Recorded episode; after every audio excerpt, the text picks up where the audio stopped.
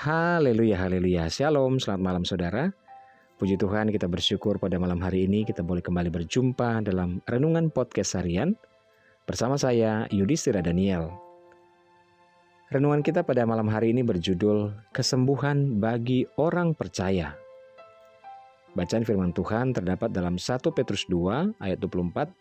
Firman Tuhan berkata, Ia sendiri telah memikul dosa kita di dalam tubuhnya di kayu salib, supaya kita yang telah mati terhadap dosa hidup untuk kebenaran. Oleh bilur-bilurnya, kamu telah sembuh.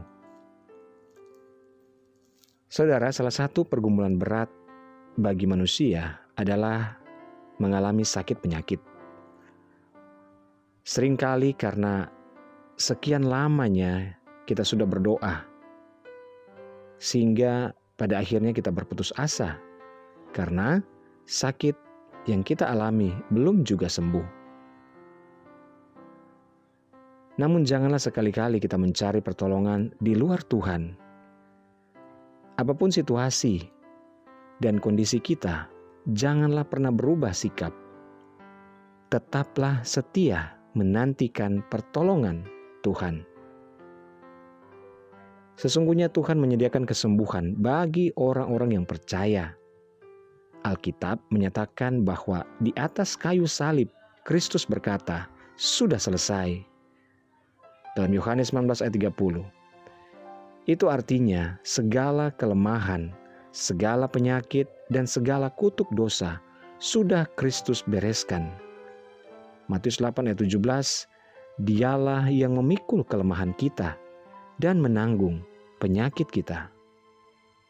Artinya, tubuh kita ini bukan lagi tempat sakit penyakit, melainkan tempat di mana kemuliaan Tuhan dinyatakan.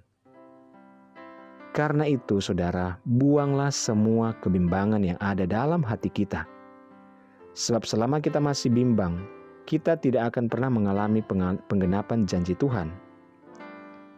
Marilah kita beriman itu artinya percaya sekalipun kita belum melihat, percaya sekalipun kita belum mengalaminya, dan sungguh-sungguhlah melakukan firman Tuhan. Sebab iman tanpa perbuatan atau ketaatan pada hakikatnya adalah mati.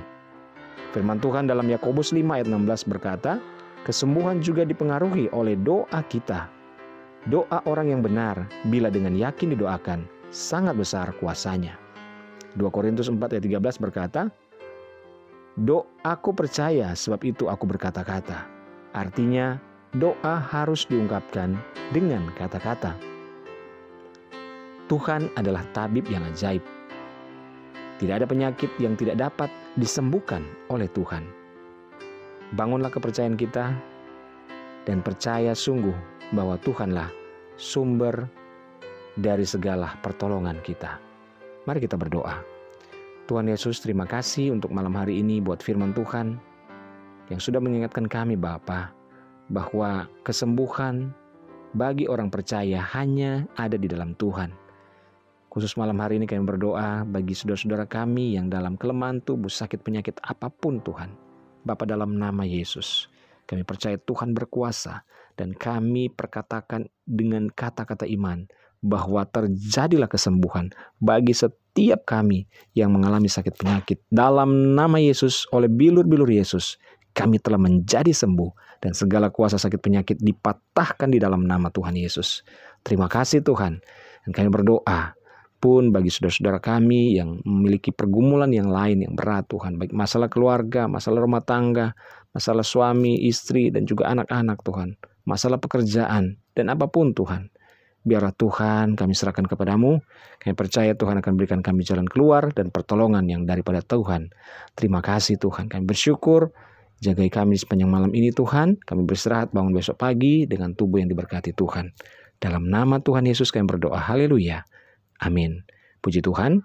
Selamat malam saudara. Tetap semangat. Dan Tuhan Yesus menjaga dan memberkati kita di sepanjang malam ini. Haleluya.